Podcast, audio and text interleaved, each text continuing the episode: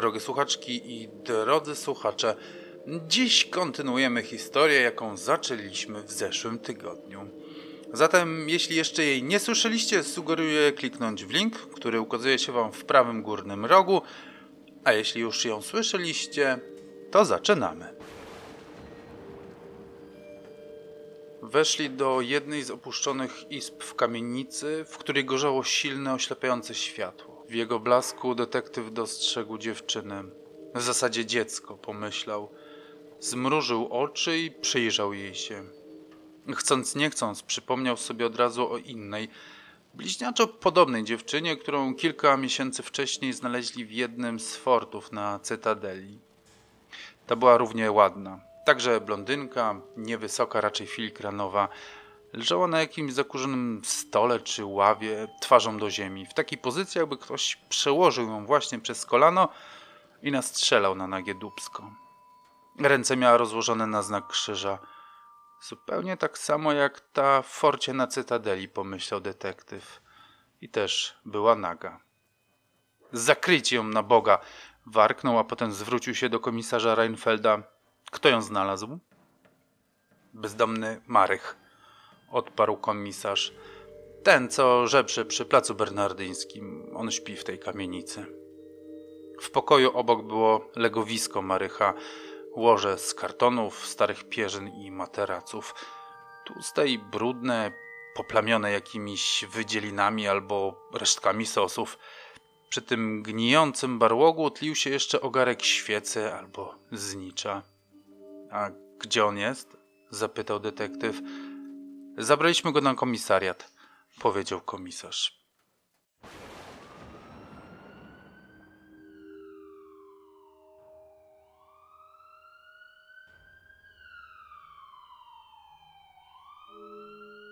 Marych, czemu ty tak cuchniesz?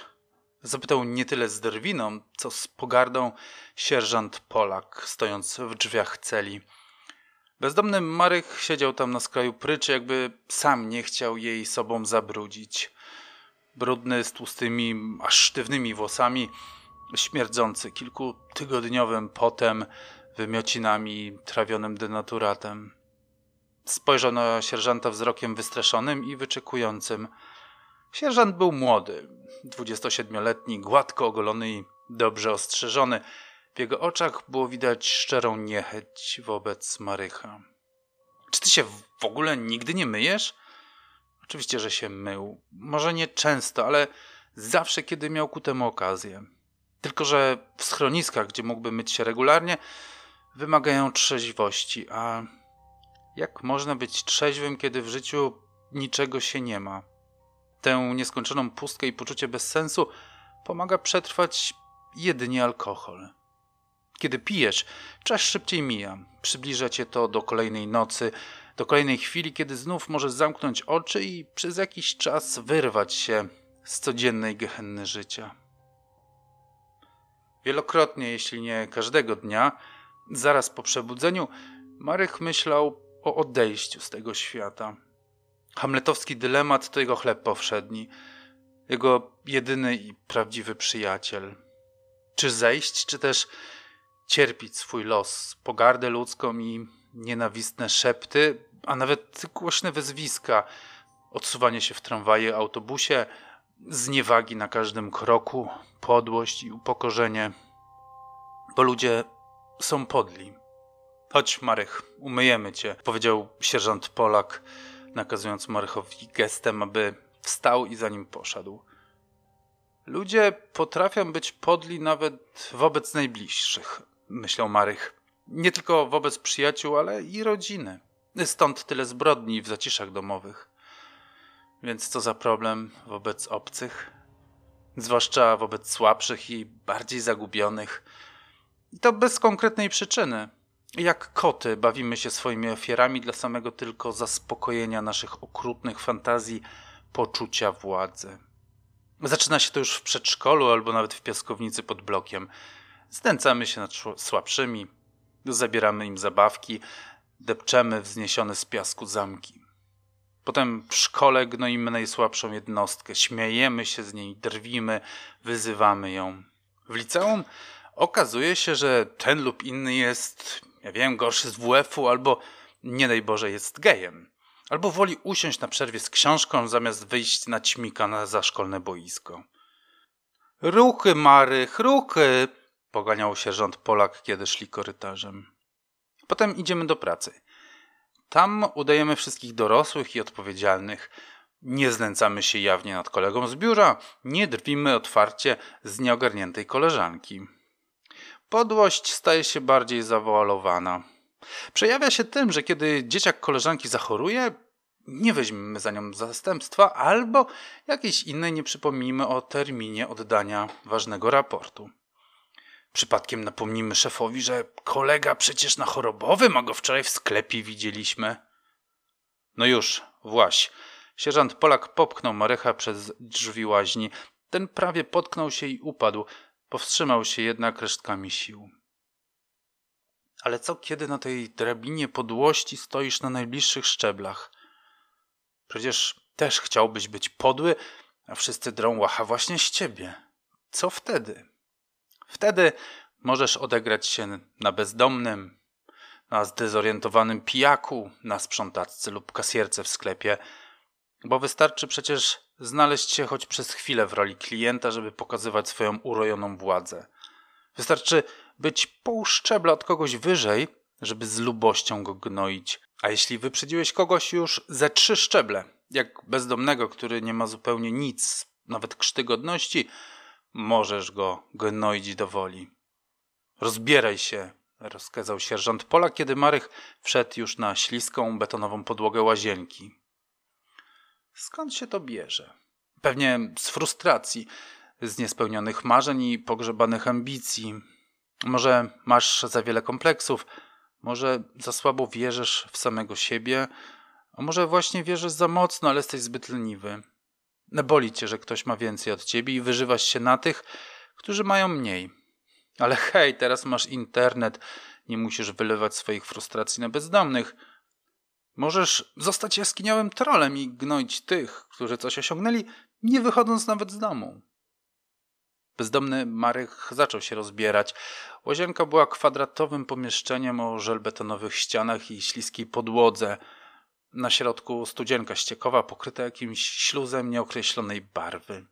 Kiedy Marek ściągnął buty i dziurawe skarpetki, poczuł zimno i kleistość podłogi. Przeszły go ciarki. Za plecami czuł obojętne spojrzenia dwóch policjantów, którzy za chwilę będą myć go zimną wodą ze szlaucha. Drżącymi rękoma ściągnął kurtkę, znoszony sweter, dziurawą koszulkę, niegdyś może białą, dziś żółto-brązową i wciąż czuł ten wzrok na sobie. Czuł poczucie obrzydzenia u policjantów, kiedy ukazało im się jego nagie ciało. Niedomyte, blade, z rzadka owłosione siwawymi kępkami. Pomarszczona, zwisająca z niego skóra koloru popielatego, opadła klatka piersiowa, wystający brzuch z czarnym pępkiem. Sino-koperkowe siniaki, poczerniałe strupy i otarcia, czerwone krosty. Obwisłe pośladki drgające na trzęsących się chudych nogach. Kurczący się, zwisający smutno i bezużytecznie penis pod krzakiem rzadkich włosów łonowych.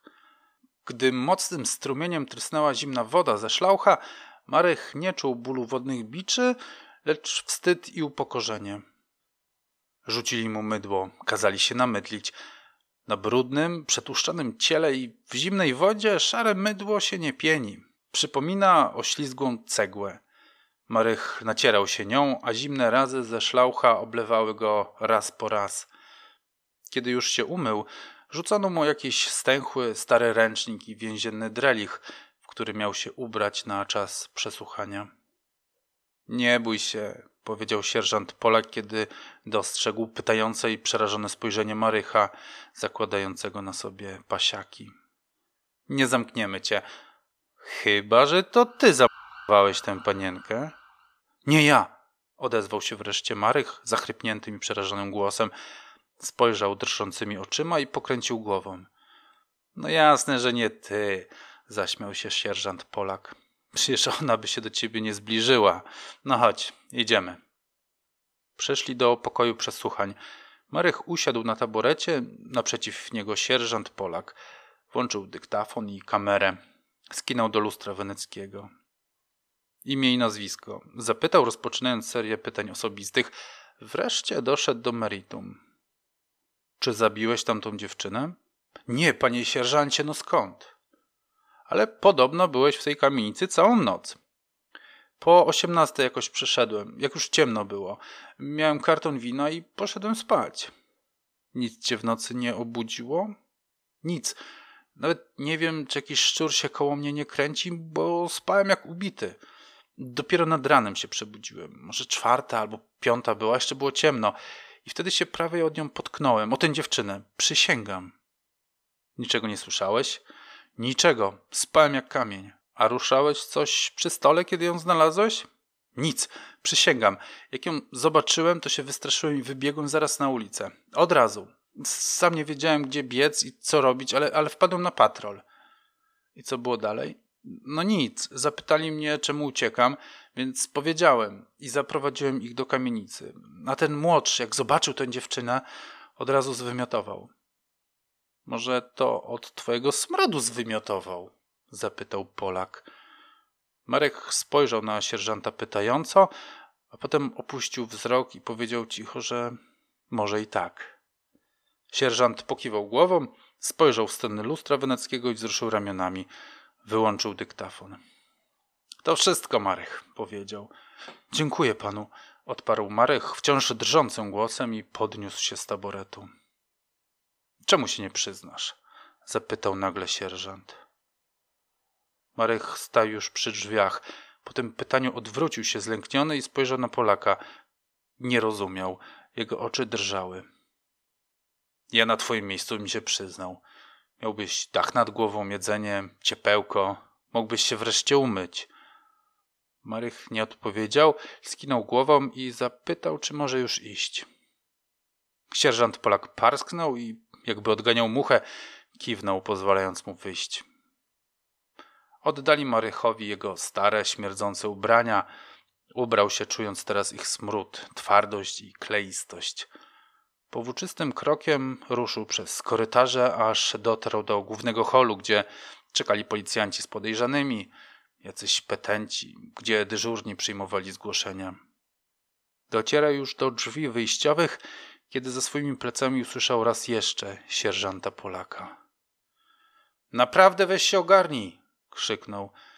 Idź do jakiegoś schroniska czy coś, bo wali od ciebie na kilometr. Mdli, kiedy się do ciebie zbliżyć. W tym momencie przez drzwi, do których zmierzał Marek, weszła koronerka Olivia Moore. Usłyszała obelżywe zdanie, które wykrzyczał Polak i spojrzała na pochylonego pod ciężarem wstydu Marycha. Panie sierżancie, zawołała oburzona. Co to ma znaczyć? Przecież to człowiek. Ja pańskie zachowanie zgłoszę komendantowi. Pani koroner, przecież to tylko bezdomny, powiedział sierżant, nie ukrywając zdziwienia uwagą koronerki. Pan też może kiedyś tak skończyć, powiedziała oburzona. Każdy z nas może. Osoby znajdujące się na komisariacie milcząco obserwowały tę scenę z zaciekawieniem. Kiedy Olivia Moore omiotła ich spojrzeniem, każdy odwrócił wzrok i wrócił do swoich obowiązków – Oliwia podeszła do Marycha. Bardzo mi przykro, powiedziała. Chciałby pan złożyć skargę na sierżanta Polaka? Nie, nie, dziękuję, odparł Marek, kręcąc głową. Wydawał się być wystraszony. Wtedy Oliwia odniosła wrażenie, że go zna. Przyjrzała mu się, ale on szybko schylił głowę i ruszył ku drzwi. Podbiegła za nim, otworzyła mu. A może jest pan głodny? Zapytała, przyglądając się jego twarzy. Pozwoli pan, że wynagrodzę panu to podłe zachowanie funkcjonariusza Polaka. Marek poczuł wstyd. Poczuł się jak niepełnosprawny. Owszem, żebrał, ale to była jego inicjatywa. Ale kiedy ta przystojna kobieta podeszła do niego z jałmużną, poczuł się niemęsko, jakby sam nie potrafił sobie poradzić. Nie, dziękuję, poradzę sobie, Odparł zawstydzony Marek, starając się jednak, aby zabrzmiało to uprzejmie. Na pewno zjadłby pan coś dobrego, nalegała Mor. Była coraz bardziej pewna, że zna jego twarz. To musiał być on. Marek spojrzał na Oliwię i poczuł, że jeszcze chwila się rozpłacze. Oczywiście, żeby coś zjadł, ale nie chciał, aby ta kobieta się dla niego poświęcała. Kto by chciał iść ze śmierdzącym półczłowiekiem na obiad? Wiadomo, że robiła to z litości. Niech pan nie odmawia, poprosiła z uśmiechem Olivia Mor. Sprawi mi pan tym wielką przyjemność.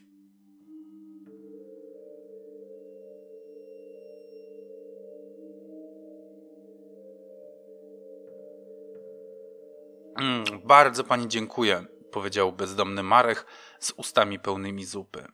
W Karytasie tak dobrej zupy nie dają. Jadł łapczywie, głośno siorbał, a mętna ciecz spływała po jego gęstej brodzie. Przynajmniej w taki sposób mogę panu pomóc, powiedziała Olivia Moore, przyglądając się jemu zaciekawieniem. Nie jest chyba łatwo żyć na ulicy. Bar był niewielki, znajdowało się w nim kilka stolików pokrytych ceratą oraz plastikowe krzesła.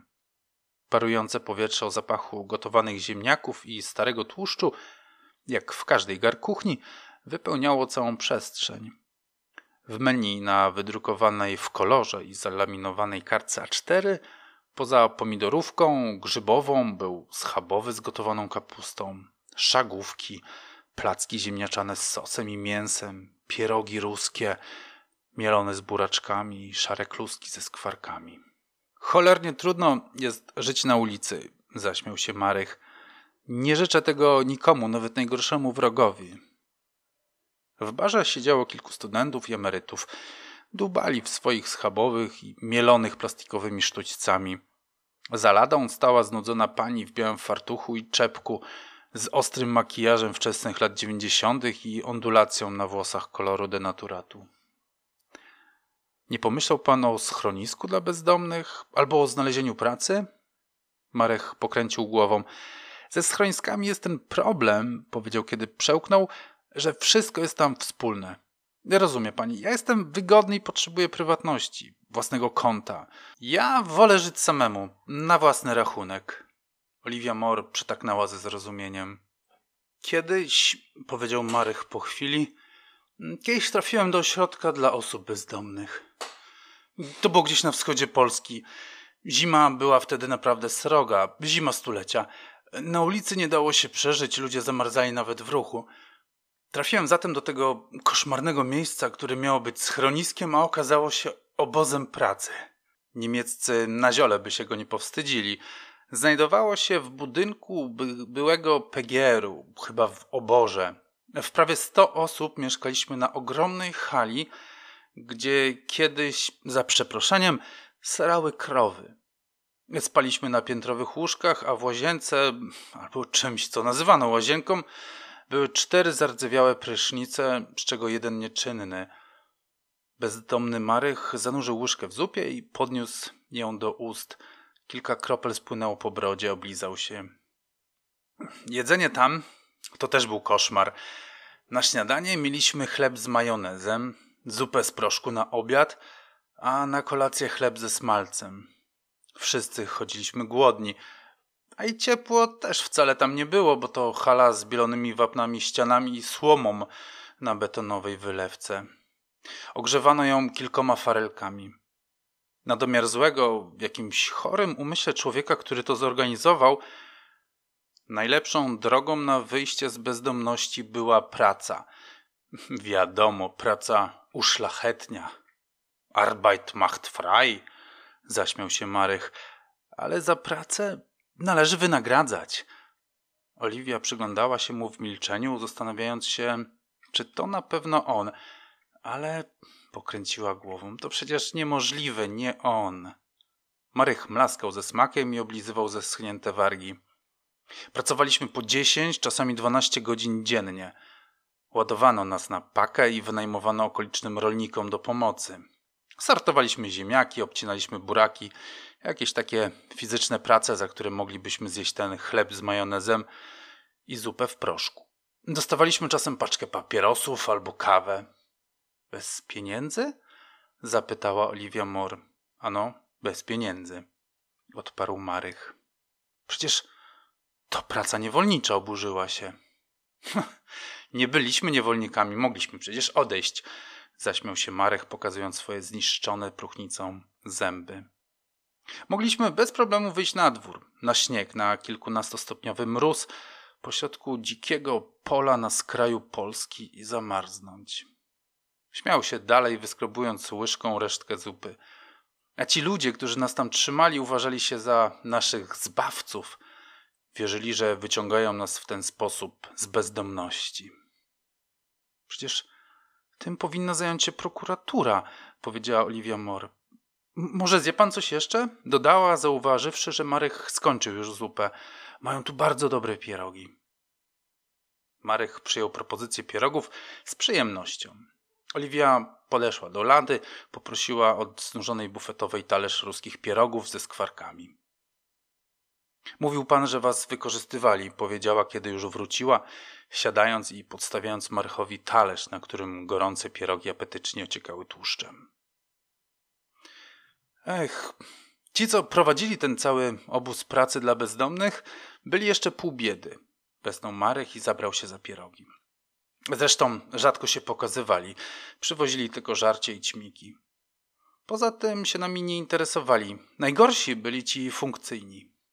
No wie pani, bezdomni, którzy mieli nadane jakieś tam funkcje. Władza jednak deprawuje najbardziej. To były prawdziwe mędy. Przepraszam za wulgarność, ale naprawdę, ci ludzie byli złem wcielonym. Bili nas, wyzywali, kazali sobie usługiwać. Wreszcie uciekłem stamtąd, jak tylko zrobiło się trochę cieplej, jak tylko mróz nieco zelżał. Z każdą chwilą Olivia Moore miała coraz więcej wątpliwości. Czy to był na pewno on? Był o wiele starszy niż wtedy. Jego twarz była teraz zniszczona, wypalona słońcem i wysmagana mrozem. Jego nos był większy niż lata temu, czerwony i nabrzmiał od alkoholu. Uzębienie też nie było pełne, pożółkłe i zniszczone, ale oczy wciąż były te same. Te dobre, ciepłe spojrzenie, w którym tak łatwo było się zadłużyć. Zima jest najgorsza, opowiadał Marek dalej. Nawet jeśli temperatura nie spada bardzo poniżej zera i zamiast śniegu pada deszcz, nie da się żyć. Może dlatego tak wielu bezdomnych jest w Kalifornii, a tak mało w krajach skandynawskich. Latem, jak jest ciepło, położysz się gdzie chcesz, nawet na ławce w parku gdzie się przekimać, a zimą Marek westchnął. Klatki schodowe były kiedyś potwierane, można było się skitrać na ostatnim piętrze albo w piwnicy i przenocować. Dzisiaj już wszędzie są domofony, ludzie nie chcą wpuszczać. Nawet kiedy mówisz, że poczta. Od razu pytają do kogo i czemu tam nie dzwonisz. Zamyślił się teraz, trzymając na widelcu kawałek pieroga. Kiedyś to i na dworcu można było spać, powiedział. Dzisiaj dworce zamykają albo ochrona cię przegania i wszędzie kamery. Kiedyś nie było kamer, bo dawniej, nawet jeśli nie na samym dworcu, można było schować się w jego podziemiach albo w kanałach ciepłowniczych. Pustostanów też jakby teraz coraz mniej. Jak gdyby wszyscy uwzięli się na bezdomnych, jakby chcieli ich wykurzyć ze swoich pięknych, czystych miast. Bo przecież nie lubimy patrzeć na rzeczy przykre. Wolimy zamknąć oczy i udawać, że czegoś nie ma. Lecz najgorsze, że nie każdy może sobie pozwolić na ten komfort, aby odwrócić wzrok. Olivia Mor patrzyła w jego oczy. Ich otoczka się postarzała, powieki były zmęczone, brwi i rzęsy posiwiały, a na pożółkłych białkach pojawiły się popękane naczynka włosowate. Źrenice, niegdyś błękitne jak niebo, poszarzały i wyglądały jak wyblakłe jeans. Ale to były te same oczy. Takie same jak wtedy, kiedy pierwszy raz je ujrzała. Pamiętam pierwszy dzień na ulicy, powiedział Marek nostalgicznie. Żyjesz w swoim mieście od zawsze i wydaje ci się, że znasz je na wylot. Ale kiedy nagle uświadamiasz sobie, że nie masz gdzie wrócić, miasto staje się obce. Patrzysz na nie, jakbyś widział je pierwszy raz w życiu. Ulice niby takie same, a jednak jakieś takie bardziej niedostępne, nieprzyjemne. Mury patrzą na ciebie z pogardą, ulice są bardziej brudne. Wszystkie zaułki zdają się być niebezpieczne. Nie wiem, jak to pani opisać, ale to tak, jakby człowiek pojawił się w tym miejscu pierwszy raz w życiu, albo jak gdyby pierwszy raz otworzył oczy na świat. Czy on mnie rozpoznał? Zastanawiała się Olivia Moore. Zachowuje się, jakby jej nie pamiętał. Czy to jednak możliwe? A może po prostu się wstydzi? Może nie chce się przyznać, że to on. Wolałby się zapaść pod ziemię, niż oświadczyć jej tak. Teraz jestem bezdomnym. Nie mam nic. Nie udaję nawet, że mam honor. Wszystko jest niedostępne i nieprzyjazne, kiedy pojawiasz się pierwszy raz na ulicy, mówił Marych, zdając się zajmować bardziej pierogami niż nią. Jeszcze wtedy nie wyglądasz jak bezdomny. To przyjdzie dopiero z czasem. Bo na początku jeszcze myjesz zęby i starasz się jakoś o siebie zadbać, o swój wygląd i zapach. Ale przecież myjesz się w zlewie toalety na stacji benzynowej albo w galerii handlowej. To nie jest kąpiel, to nie jest nawet prysznic. Ubrań przecież też nie bierzesz co dzień. I nawet jeśli się bardzo starasz dbać o siebie, twój zapach staje się z dnia na dzień coraz mniej przyjemny. Spojrzał na nią, odwrócił wzrok, nadział kolejnego pieroga. To jest bardzo deprymujące i obniża poczucie własnej wartości. Gdzieś w sobie wiesz, że zrobiłeś wszystko, co w twojej mocy, aby zachować higienę, ale nadal capisz jak stary kozioł. I ludzie odsuwają się od ciebie. Marych mówił coraz ciszej, z coraz większym wstydem. Nie traktują cię jak równego sobie, ale jak zwierzę. Może jeszcze gorzej, bo psa to się za uchem jeszcze podrapie. Na ciebie nie chcą nawet spojrzeć. Tracisz podmiotowość. Stajesz się niechciany, stary, brudny i śmierdzący. A jak masz trochę oleju w głowie, uświadamiasz sobie, do jakiego stadium upodlenia doprowadzili Niemieccy na ziole naród żydowski. Co masz na myśli? zapytała Oliwia, przerywając swoje rozmyślania, ale nadal zastanawiała się, czy to możliwe, aby jej nie pamiętał. Ja wiem, że porządny i prawo myślący Polak bez wahania powie, że Holokaust wynika z tego, że Niemcy byli skurwieni. I ja też tak uważałem całe swoje życie. Bo przecież porządny człowiek nigdy nie potraktowałby drugiego człowieka z taką pogardą. W tym miejscu chciałbym parsknąć śmiechem, ale nie potrafię, bo nadal mnie to boli. Bezdomność nauczyła mnie tego, że wywołać pogardę dla drugiego człowieka jest chyba najłatwiej ze wszystkich odczuć. Gebelowska propaganda wbiła Niemcom do głowy, że Żyd to Untermensch, podczłowiek i dzięki temu łatwiej było ich mordować bez wyrzutów sumienia. Zrobiono z Żydów brudnych, zawszonych, śmierdzących nierobów, bezdomnych. Ale dzisiaj bez Goebbelsa ludzie gardzą, a nawet nie zawsze skrycie nienawidzą bezdomnych. Odsuwają się w tramwaju, bo śmierdzę. Udają, że mnie nie widzą, kiedy chcę podejść na ulicy. Wyganiają z ogródków piwnych, nie wpuszczają do restauracji. Nie potrzebujemy już tabliczek, że zakaz wprowadzania psów i bezdomnych, bo każdy wie, że nie wpuszcza się bezdomnego, bo to śmierdzi. I gdyby któryś polityk wymyślił, że bezdomnych należy zamknąć w obozach pracy, jestem przekonany, że połowa Polaków by temu pomysłowi przytaknęła. A może nawet więcej. Gdybyśmy zaczęli bezdomnych eksterminować, niewielu by zaprotestowało. Ale najgorsze, że nie dostrzeglibyśmy przy tym żadnego związku z Niemcami lat trzydziestych. Oliwia zagryzła zęby. W jej oczu zadrżały ledwo dostrzegalne łzy. Pochyliła głowę, jakby chciała się przed nim schować, ale on nadal jej nie rozpoznawał. Niech pani nie płacze, powiedział. Większość z nas w mniejszym lub większym stopniu sama wybrała tę drogę. Ja płaczę, bo uświadomiłam sobie, jaka ze mnie zła osoba, jak, jak bardzo segreguje ludzi. Pani, zaśmiał się Marek, Przecież pani mnie nakarmiła, rozmawiała pani ze mną. W życiu nie spotkałem kogoś takiego, tak dobrego. Olivia Moore uśmiechnęła się, ale pokręciła przecząco głową. Gdyby nie fakt, że trafiłam na pana na komisariacie, nie zwróciłabym przecież nigdy na pana uwagi. Być może minęliśmy się już wiele razy na ulicy, a ja nigdy na pana nie spojrzałam. Może odwracałam wtedy wzrok. Ale to nie pani wina. Taka nasza ludzka natura. Bezdomny jest potencjalnym zagrożeniem i dlatego instynktownie go unikamy, tłumaczył Marek zacięciem filozoficznym.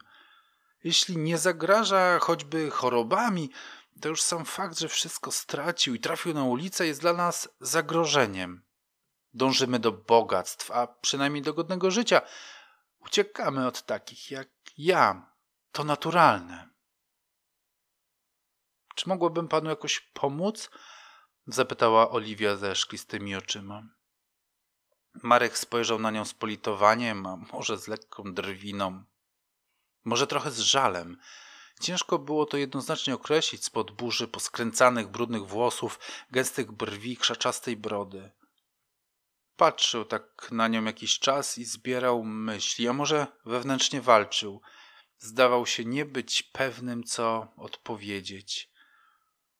Gdybym zgodził się na pani pomoc, powiedział wreszcie po długim namyśle, zacząłbym panią wykorzystywać i wymagać od niej coraz więcej.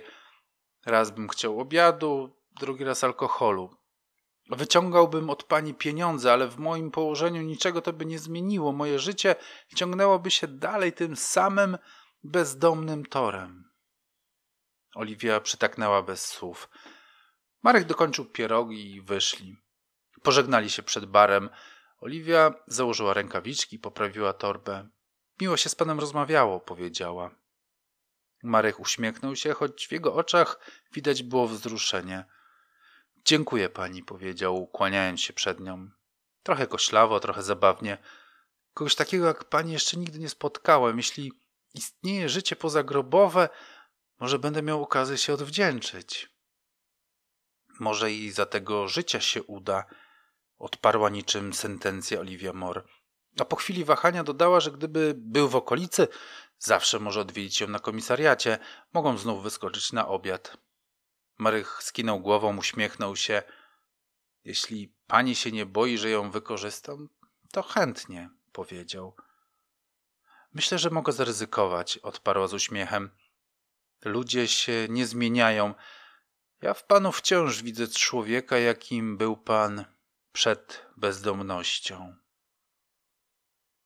To niezwykłe słowa, powiedział Mary łamiącym się głosem. Niezwykłe. Ludzie zazwyczaj nie widzą niczego poza tym, że jestem bezdomnym. Nie dostrzegają człowieka. Zamilkł i pociągnął nosem. Przepraszam, odchrząknął. Muszę iść. Raz jeszcze pani dziękuję. Odwrócił się i odszedł przed siebie, człapiąc ciężko. Oliwia patrzyła chwilę na niego i czuła silne bicie serca. Pierwszy raz w życiu zabrała bezdomnego na obiad. Nic się nie stało, a jednak zastanawiała się, czy odważyłaby się to zrobić raz jeszcze. Jej odruch był spontaniczny. Dopiero teraz zaczęła o tym myśleć. I wbrew swoim przekonaniom i wierze w dobre serce, nie chciałaby tego powtarzać. Panie Marychu, zawołała. Marych odwrócił się. Czy ma pan telefon? Marek uśmiechnął się i wyciągnął z kieszeni lekko zniszczony smartfon. Podam panu swój numer telefonu, gdyby jednak pan czegoś ode mnie potrzebował.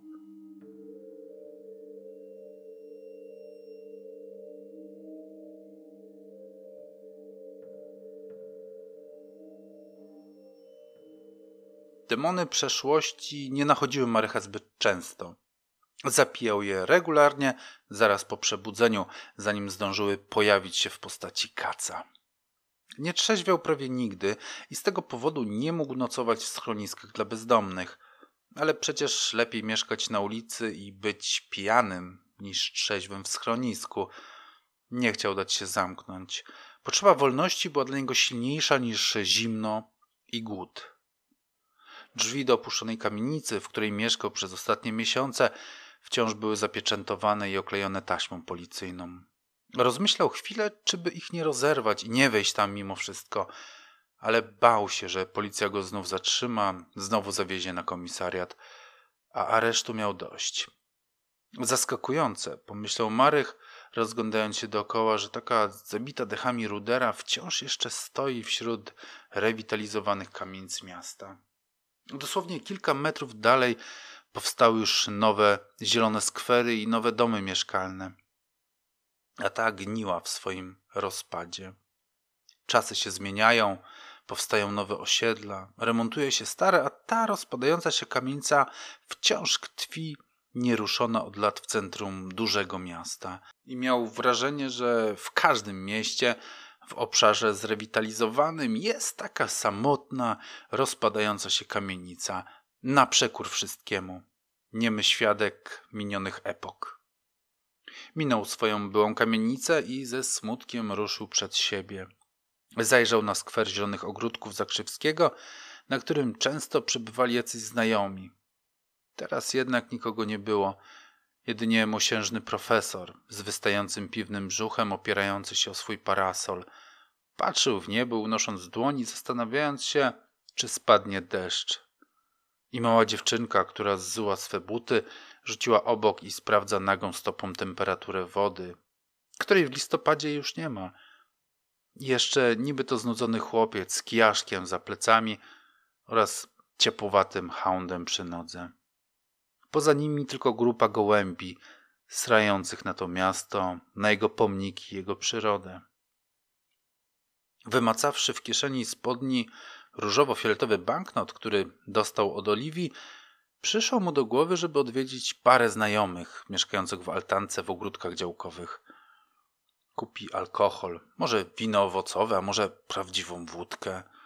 Choć na wódkę szkoda pieniędzy i wpadnie do nich niezapowiedzianie. Nawet jeśli nie będą go chcieli widzieć, ucieszy ich alkohol i zaproszą go do siebie. Przynajmniej tę noc spędzi w łóżku, w pościeli. W drodze do dyskontu liczył, ile win powinien kupić. Jedno owocowe 0,7 litra kosztuje niecałe 4 zł. Kupić ze 3 czy 4? 3 może być mało, ale jeśli, nie daj Boże, nie dadzą mu się przekimać, to jeszcze zostanie trochę kasy. Jak kupię cztery, to już prawie nic. Szkoda, że nie wyciągnąłem od pani Mors pięć dyszek. Oho, już się zaczyna. Już chcę tym biedną dziewczynę naciągać. Marek wszedł do sklepu i zaraz wzbudził czujność podstarzałego ochroniarza, dorabiającego do emerytury. Mundurowy, z białym wąsem i włosami, w za dużym uniformie ruszył za Marychem, próbując udawać, że go nie obserwuje. A to poprawił jakąś puszkę na półce, a to podniósł worek foliowy z ziemi i wrzucił go do kosza. Jego wzrok jednak ani na chwilę nie schodził z dłoni Marycha. Bucu, bo nie mam domu, to od razu chcę kraść? Gotował się wewnątrz Marych. Gdybyś ty wiedział, kim ja kiedyś byłem, w pas powinieneś mi się kłaniać, chamie jeden, dorabiający do głodowej emerytury. Może i dobrze, że jestem bezdomny, nie dożyję takiego wieku, kiedy będę musiał poniżać się i udawać ochroniarza, by mieć tylko na jedzenie i leki. I to mówię ja, który nie mam nic. Ja, żebrak, drwię sobie z poniżającej pracy. Jednak trzy wina zdecydował. Nie ma co ich rozpieszczać. A gdyby się okazało, że przyjmą go na noc, a może i nawet dwie, alkoholu będzie mało, pobiegnie się jeszcze po flaszeczkę, a co? Pani przy kasie była bardzo miła i uśmiechnięta. Też chyba emerytka albo krótko przed emeryturą. Przez tę dodatkową pracę podniesie świadczenie o złotówkę miesięcznie, może o dwa złote. A ja jej pokażę, co mnie ta złotówka obchodzi i wezmę reklamówkę za sześćdziesiąt groszy. Niech wierzy mnie stać. Miłego dnia panu życzę, powiedziała na do widzenia. Marek ukłonił się. Dziękuję, powiedział. A jednak są na tym świecie Uprzejmi ludzie, pomyślał. Zaopatrzony w trzy butelki owocowego wina w plastikowej reklamówce ze zwierzęcym logo firmy, Marych ruszył w kierunku ogródków działkowych. Chcąc ominąć główne drogi i chodniki, przeciął zmokły Park Mazowieckiego z nagimi kikutami drzew i zszedł na brzeg warty. Pod mostem królowej Jadwigi stała grupka licealistów w skórzanych lub dżinsowych kurtkach, w spodniach bojówkach, jedni z dredami, inni z długimi włosami. Jerali ćmiki, pili tanie wino i piwo. Ujrzawszy Marycha, pozdrowili go wylewnie, poczęstowali papierosem i piwem. Ziom, jesteś moim idolem, zawył jeden z nich. Chłopak z irokezem w dżinsowej katanie z przypiętą ogrewkami wszywką KSU. Mówił trochę serio, trochę się śmiał. Zobaczcie, koleś nie ma domu, nie ma forsy, jest wolny jak ptak. Niesie siatkę z jabolem i idzie się najebać. Jutro wstanie i znowu będzie mógł. Nie musi iść ani do szkoły, ani do roboty, robi co chce i kiedy chce. Prawda, ziom? Marek uśmiechnął się i przytaknął. Przypomniał sobie, jaki on, będąc nastolatkiem, oczytawszy się w drodze Jacka Kerouaka i Tortilla Flat Steinbecka, marzył o takim właśnie życiu, gdzie jabol i wolność to wszystko, czego potrzeba. Lecz lata to zweryfikowały i gdyby teraz mógł, oddałby tego jabola i tym wolność za dom, pracę i łóżko. Cóż mógł jednak powiedzieć tej niesfornej młodzieży, która patrzyła na niego trochę z zazdrością, trochę z zaciekawieniem. Jak na okaz dzikiego zwierzęcia na safari. Czuł się nieswojo, bo niby nie skazywali go na ostracyzm, nie odrzucali go, a jednak traktowali jak pewnego rodzaju krzywe zwierciadło. Śmieszny, bezdomny pan, co żyje sobie z dnia na dzień i upija się na umór. Nie ma pieniędzy, a jest szczęśliwy. Masz, zią, powiedział chłopak z irokezem, dając Marychowi pięć złotych. Nie mamy kasy i sami zbieramy na wino, ale ty bardziej potrzebujesz. Trzymaj się, ziom, nie pękaj. Marych wziął pieniądze, podziękował z niepewnym uśmiechem i ruszył przed siebie wzdłuż warty. Za plecami wciąż ich słyszał. Te bogate dzieciaki z bogatych rodzin, które z biedy zrobiły sobie hobby. Zbierają na jabola, ale przecież nie musieliby. Niby nie odsuwają się od niego, niby się z nim nie brzydzą, a jednak traktują go z góry. Nawet dla nich nie jest równym partnerem. Nikt nie widzi w nim po prostu człowieka. Bezdomność determinuje, pomyślał Marych. Szedł błotnistą drogą ku ogrodów działkowych. Mijał niewysokie, spróchniałe płotki, z których odchodziła farba, skrzypiące, porcewiałe furtki. Dachy altanek pokrywał wilgotny mech i kolorowe, gnijące liście. Gdzie niegdzie leżały przejrzałe owoce, wypełniające swym słodkim aromatem powietrze. Trawa zdawała się być zasiąknięta wodą jak gąbka. Nad nią unosiła się pierzyna mgły, wyglądające jak zagubione ogony duchów, wśród których kołysały się bezlistne gałęzie drzew. W powietrzu czuć było palony koks, zgniłe owoce i wilgoć, także zapach marihuaniny, jakby ktoś w okolicy palił. Bezdomność determinuje, pomyślał raz jeszcze Marek. Banał, zaśmiał się. Każdego coś determinuje. Albo jesteś rodzicem, albo księgowym, albo księdzem, albo inżynierem, studentem, nierobem, katolikiem, naziolem, bezdomnym. I nie mogę przecież wymagać, żeby ludzie widzieli we mnie kogoś innego, bo ja w ludziach widzę to, co chcę widzieć. Ekspedientkę w sklepie, ochroniarza, bandę rozwydrzonych dzieciaków pijących jabola. Jednak nie widzę ludzi per se, widzę moich bezdomnych przyjaciół, ciepowatego Bolesława i ponętną Biankę. Do furtki doskoczył wychudzony owczarek niemiecki i kręcąc młynki, merdając ogonem zaczął ujadać. Szarik, zamknij się! Usłyszał po chwili Marek i ujrzał Bolesława, który w kalesonach, gumiakach i futrzanej czapce wyskoczył z widłami z altanki. Kto idzie? To ja, Marych, zawołał stojąc za furtką. Szarik biegał przy płocie, szczekając zjedliwie, merdając ogonem. Bolesław i Bianka znaleźli go kiedyś wpółżywego na terenie ogródków działkowych. Leżał, ledwie dysząc przy hydrancie i z wysiłkiem zlicywał krople wody, które raz po raz z niego kapały. Był pobity, zagłodzony. Zabrali go ze sobą. Od tego czasu ma lepiej niż oni. Wolą chodzić głodno niż nie dać zjeść Szarikowi – a on stał się ich wiernym kompanem i obrońcą. Szarik, cicho, to przecież Marych! zawołał Bolesław i odciągnął psa od furtki. Marych pchnął furtkę i wszedł do środka, Szarik zaraz do niego doskoczył i obwąchał. Zaszczekał dwa razy i odwrócił się. Rozpoznał cię, powiedział Bolesław zadowolony. Co cię do nas sprowadza? Bolesław i Bianka mieszkali w altance. Nie była wielka, ale mieściło się w niej łóżko i stół z dwoma krzesłami. W rogu stała turystyczna butla gazowa, jako że nie było tu ogrzewania. Na butli grzeli też zupę i wodę, którą czerpali z warty, gdyż zimą nie działały wodociągi. Dostałem dziś trochę grosza, powiedział Marek do Bolesława, który prowadził go wydeptaną ścieżką do altanki. A że nie lubię pić samemu, pomyślałem o was. Na dowód swoich słów podniósł plastikową reklamówkę, w której wesoło zadzwoniły butelki wina. Zapraszamy! zawołała z wnętrza altanki Bianka, która usłyszała radosny dźwięk szkła. Nam się już picie kończy, więc nie odmówimy. Marek wszedł do altanki. Panował w niej stękły zaduch, śmierdziało brudnymi ciałami i alkoholem. Bianka leżała w łóżku, częściowo przygryta grubą kołdrą, miała na sobie tylko halkę z urwanym ramionczkiem i lewa pierś wylewała się z niej. Jej blond włosy były w nieładzie, tłuste i brudne. Uśmiechała się do Marycha pijanymi oczyma, z pierzchniętymi ustami, za którymi brakowało zębów. Marek, jak dawno cię nie widzieliśmy, dobrze, że jesteś, powiedziała. Marek schylił się, aby przejść pod sznurkiem, na którym schły poszarzałe gacie i skarpetki. Altanka była bardzo ciasna. W rogu grzała farelka, nie dając jednak zbyt wiele ciepła. Było wilgotno, czuć było rozpad i stęchliznę.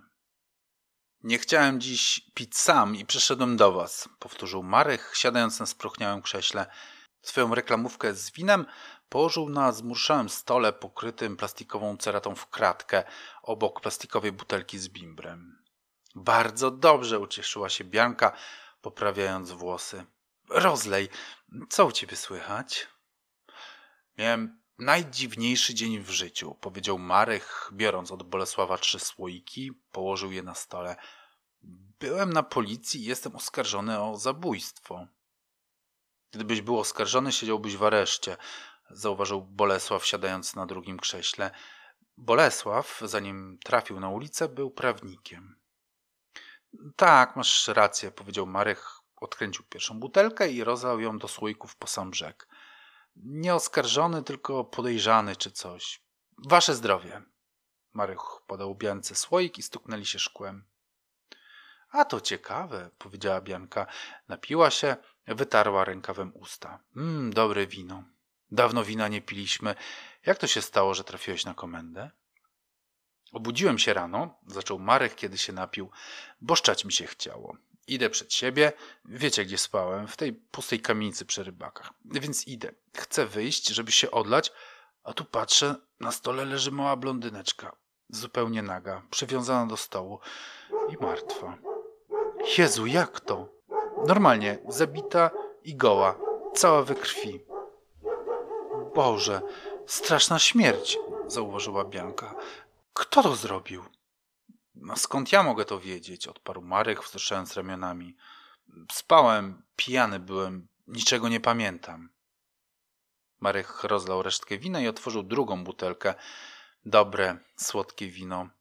Rozlewało się ciepłem po ciele i odsuwało z głowy ponure myśli. Znowu pomyślał o Oliwii Moore.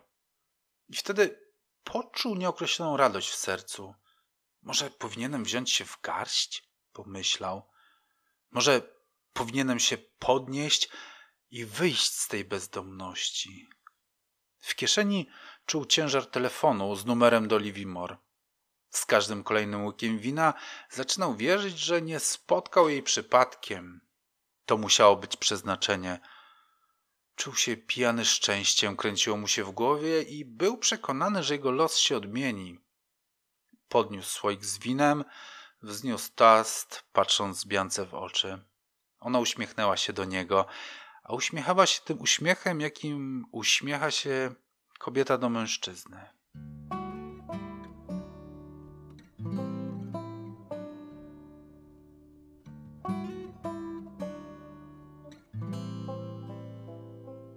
I to by było na tyle. Serdecznie dziękuję za wysłuchanie dzisiejszego odcinka do końca, a kolejny już w najbliższą niedzielę. Pamiętajcie zatem o subskrypcji, żeby Wam nie umknął i koniecznie o dzwoneczku, bo dochodzą mnie wiadomości, że niektórzy z Was nie dostają powiadomień. Jak nie ma klikniętego dzwoneczka, to też nie ma powiadomień. No a umówmy się, szkoda tracić kolejne odcinki. No i nie zapomnijcie o łapce w górę dla mnie, jeśli się podobało, i o komentarzach, a jeśli komuś złotówka ciąży w kieszeni, to można tu też jakoś wspomóc na piwkie czy czymś takim. No i zajrzyjcie na Spotify, do którego link w opisie, bo do tej pory ostatni odcinek wysłuchało zdaje się 5 osób. Miłego tygodnia i do usłyszenia. Pa!